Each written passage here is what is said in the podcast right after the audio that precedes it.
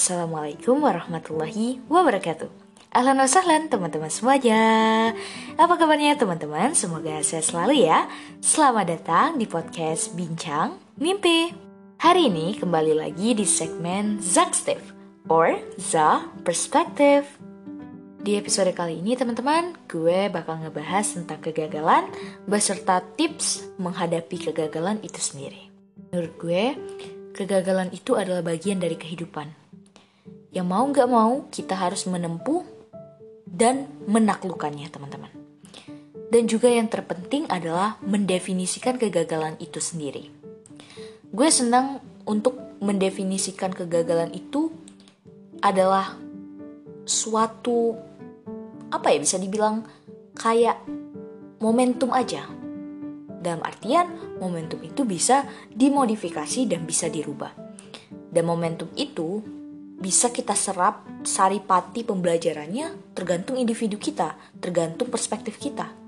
Dan perspektif yang baik akan menghasilkan suatu pengorbanan di mana suatu pengorbanan itu bisa menciptakan suatu keberhasilan. Dalam artian begini, kalau mendefinisikan kegagalan itu sebagai akhir dari segalanya, gue nggak mau coba lagi, gue nggak mau bangkit lagi. Gue udah ini at the end of my life gini lah gue ve gue fail I'm the failure dan failure dan sebagainya. Maka teman-teman akan stuck. Ya teman-teman akan stuck dan mindsetnya tuh tumpul kalau menurut gue. Jadi yang penting itu adalah lo punya growth mindset di mana mindset bertumbuh. Kegagalan itu lo modifikasi lo jadikan sebagai suntikan, lo jadikan sebagai obat bius untuk menerjang keberhasilan-keberhasilan lain ke depannya. Menjadi batu loncatan, menjadi ketapel yang menarik diri lo, walaupun lo tertekan misalnya, dan dia akan melepaskan lo sejauh mungkin, dan lebih jauh daripada ketika lo tidak menemukan ketapel kegagalan itu. Jadi, menggunakan kata kegagalan itu pun sangat variatif. Jangan sampai kita mendefinisikannya secara sempit banget nih. Misalnya kegagalan karena gue nggak dapet tes apa gitu. Tes CPNS tes berbagai macam polisi akmil akpol.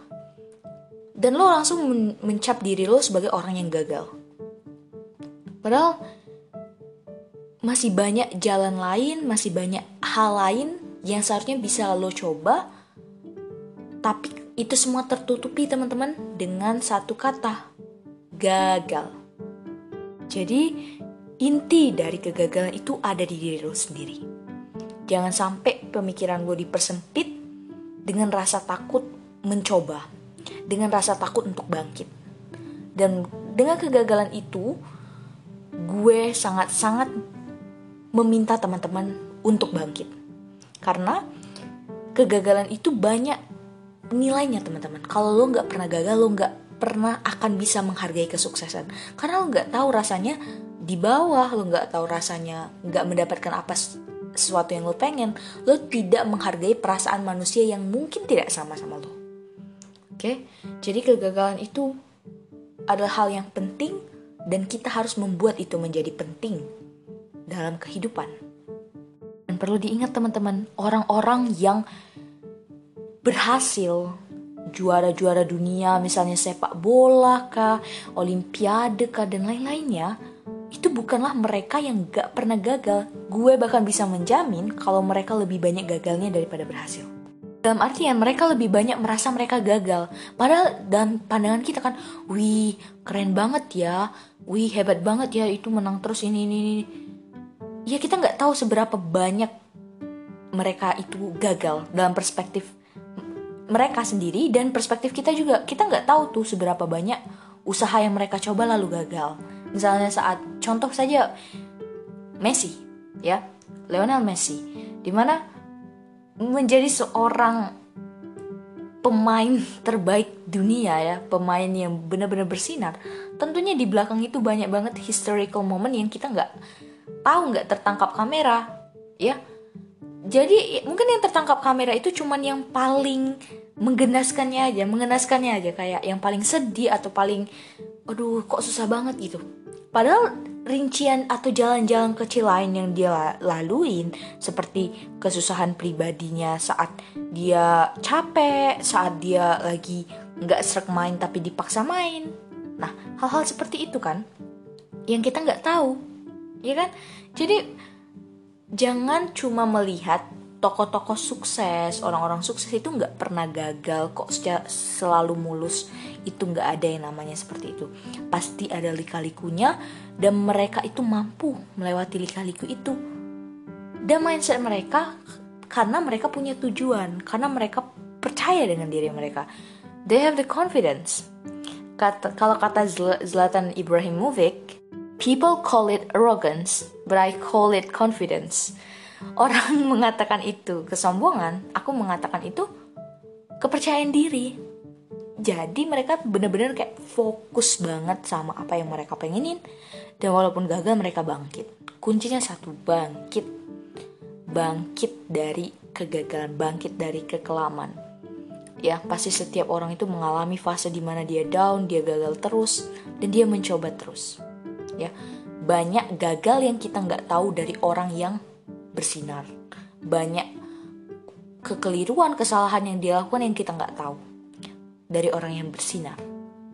Oke, jadi keep in mind, lo itu lagi di, di training sama Tuhan untuk menjadi pribadi yang lebih baik lagi. Dan percayalah, pasti ada setiap setiap hal ya pasti ada hikmah dan ibrohnya. Hikmahnya adalah hikmah itu adalah sesuatu yang bisa lo ambil dari suatu kebaikan teman-teman yang dilakukan. Oh misalnya lo menyumbang. Oh hikmahnya gue jadi uh, lebih mengerti nih perasaan anak-anak yang kurang mampu. Gue juga nambah uh, pahala kan. Nah ta tapi kalau misalnya suatu kejadian buruk nih itu disebut ibroh teman-teman. Jadi pelajaran yang bisa lo ambil dari sesuatu yang buruk. Jadi gunakan itu sebagai motivasi untuk bangkit. Nah, sekarang gue bakalan sharing gimana sih tips menghadapi kegagalan itu sendiri. Gue pribadi pernah mengalami suatu fase di mana gue merasa, aduh, udah mempersiapkan segalanya sebaik mungkin ya. Tapi gagal dalam suatu perlombaan dan itu bikin gue sedih berminggu-minggu. Ya, dan sedih itu sebenarnya bukan lo nggak bisa ketawa sih tapi lebih ke perasaan lo aja yang aduh dep banget rasanya itu kan. Walaupun mungkin di sekolah lo bisa ketawa lo bisa ngomong ngobrol tapi sedih itu bukan hanya bentuk ekspresi fisik aja tapi ekspresi batin juga kan. Nah yang banyak orang nggak tahu gitu sampai gue tuh bener-bener di fase takut ngikutin lomba yang lain gitu gue udah put banyak banget effort di sana but yeah I lose yeah and it's okay. Sekarang gue bisa bilang it's okay karena gue menghadapi hal itu dengan fase di mana gue harus merasa gue harus bangkit. Gue udah melalui itu makanya gue bisa bilang buat teman-teman yang ada di fase itu gue cuma minta satu hal teman-teman. Please keep in mind bahwa kegagalan itu hanya part of time, hanya momentum aja. Nanti lo bakal dapet kejutan yang lebih meriah lagi kalau lo bisa mengambil saripati dari kegagalan tuh lo itu apa sih gitu. Dan ingat Allah tuh tidak menciptakan sesuatu, tidak memberi lo ujian di luar batas kemampuan lo. Dan pasti lo bisa melewati itu, ya. Keep in mind tentang itu. Jangan merasa putus asa dari rahmat Allah jangan merasa lo gagal dan seterusnya lo harus bisa bangkit dan lo wajib banget bangkit ya. Nah jadi metode yang gue lakukan pertama itu adalah tapi gue juga menemukan ya teman-teman ya di sebelumnya itu di fase itu gue menemukan uh, kekeliruan juga dalam gue menghadapi kegagalan itu. Makanya gue bisa sharing gimana tips yang benarnya. So Tips yang pertama adalah set the boundaries. Artinya bangun suatu batasan. Jadi kalian harus membatasi diri untuk terlalu emosional terhadap kegagalan. Dalam artian batasi diri teman-teman kira-kira berapa hari ya bisa redanya tiga hari atau dua hari atau seminggu itu harus di set aku harus bangkit lagi gitu dan harus dieksekusi. Ide-ide untuk bangkitnya itu apa? Jangan cuma ngomong aku harus bangkit tapi nggak tahu gimana dan apa yang mau dilakuin ya gimana mau bangkit. Nah jadi gue melihat uh, di itunya Mbappe di Instastory setelah tiga hari mereka kalah France kalah ya dari Argentina Argentina Mbappe itu training lagi teman-teman latihan fisik di PSG di klubnya dia setelah tiga hari dari kekalahan itu. Can you imagine seberapa sedihnya beliau kalah dari Piala Dunia di mana beliau nih yang pertama nih ya menang tahun lalu. Bukan tahun lalu empat tahun lalu ya. Di 2018 menang tuh. Eh, Prancis menang Piala Dunia. Yang kedua lagi dia istilahnya tuh tombak dari France itu sendiri dari apa negaranya yang mencetak gol di pertandingan di 2022 ini. Ya tapi tetap kalah. Ber, beliau menyeimbangi eh, skor kan 3-3 tapi pas adu penalti kalah gitu. Istilahnya dia yang menjadi tombak.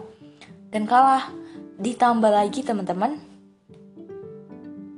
Beliau memimpikan dan mempersiapkan training fisik training main itu 4 tahun untuk di tahun 2022 ini. Dan sedikit lagi menyentuh juara yaitu juara dua. Bukan pemenang utama istilahnya. Juara dua dan bayangkan seberapa sedihnya dia. Tapi dalam waktu tiga hari beliau mampu untuk bangkit dan itu kayak wow luar biasa gitu. Gue kayak ngelihat wah udah training aja. Makanya langsung kayak hah? Dia dia baru kalah dia sedih dia pasti sakit banget. Teman-teman bisa lihat cuplikan dia saat mengambil piala di mana dia menjadi apa ya yang sepatu emas gitu apa top skor atau apa gitu gue lupa. Dia dengan muka yang tidak bahagia gitu. Nah jadi bayangin aja cuma dalam waktu tiga hari. Dan dia menyiapkan selama empat tahun. Itu gue nggak kebayang sedihnya gimana. Pasti sedih banget tapi beliau bisa bangkit teman. Kita patut banget sebagai anak muda contoh tuh Kylian Mbappe. Dalam hal effortnya ya untuk bangkit lagi. Dan juga begitu juga sebenarnya kalau lagi seneng jangan terlalu seneng. Gue ini abis bagi rapot teman-teman dan cukup uh, ada senengnya ada sedihnya. Nah gue merasa kok gue berleha-leha ya 6 hari setelah bagi rapot ini. Nah gue pun merasa kayak termotivasi banget setelah melihat instastory Mbappe ya jujur li. Teman-teman pun juga harus seperti itu. Punya growth mindset. Oke, jadi set up boundaries dua hari udah, tiga hari udah, lanjut gas. Apa sih yang mau diambil dari pembelajaran atau saripati dari kegagalan gue gitu? Oke, kita lanjut ke tips yang kedua. Lihat kegagalan itu kiranya lima tahun atau atau nggak usah lima tahun deh, 3 sampai lima tahun lah ke depan. Kira-kira kita mandang masalah itu seberapa besar banget sih? Dan ingat, badai pasti berlalu, ya angin topan gak selalu ribut dia bakal reda dengan sendirinya nah begitu pula jadi kalau kita melihat kegagalan kita sendiri adalah bagian dari pembelajaran. Dan kita mengambil tuh pembelajaran apa saja nih. Jangan jangan terulang lagi. Dan even terulang lagi jangan sampai terulang terulang lagi gitu. Jangan sampai kesalahan dalam memandang kesalahan lagi. Kesalahan gue dalam memandang kesalahan. Dan kita harus perbaiki lagi.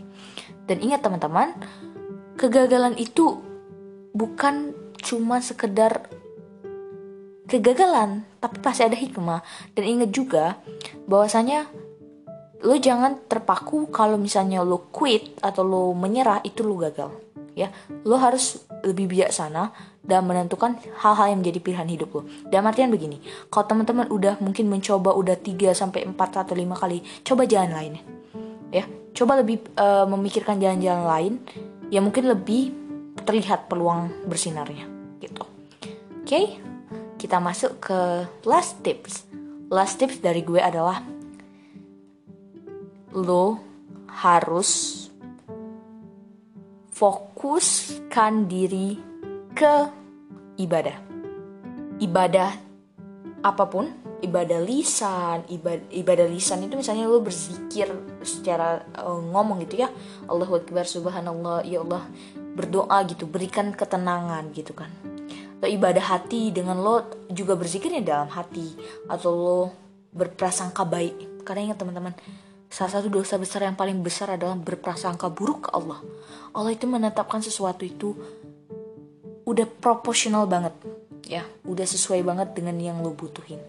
Dan yakin dengan prasangka baik lo, lo akan maju terus, ya. Nggak akan rugi kok berprasangka baik ke Allah. Pegang omongan gue, ya, nggak akan rugi, nggak akan udah prasangka baik Allah, ya. Karena dialah yang menciptakan kita, teman-teman, dia yang paling tahu kita, oke? Okay? beribadah terus-menerus, punya progres, dan jaga sholat karena dengan jaga sholat lo bakal lebih produktif lo bakal bisa lebih ngatur waktu lo bakal lebih diberkahi waktu lo dengan kebaikan-kebaikan oke teman-teman semangat lo tidak gagal sampai lo merasa lo quit dari apa yang lo pengenin apa sih maksudnya omongan gue itu jadi kegagalan sebenarnya itu adalah ketika lo berhenti untuk mencoba. Lo berhenti untuk mencoba sesuatu yang memang lo pengenin banget dan lo tahu lo bisa. Ya, realistis memang perlu, tapi ambisius nomor satu. Oke teman-teman, see you next time. Bye-bye.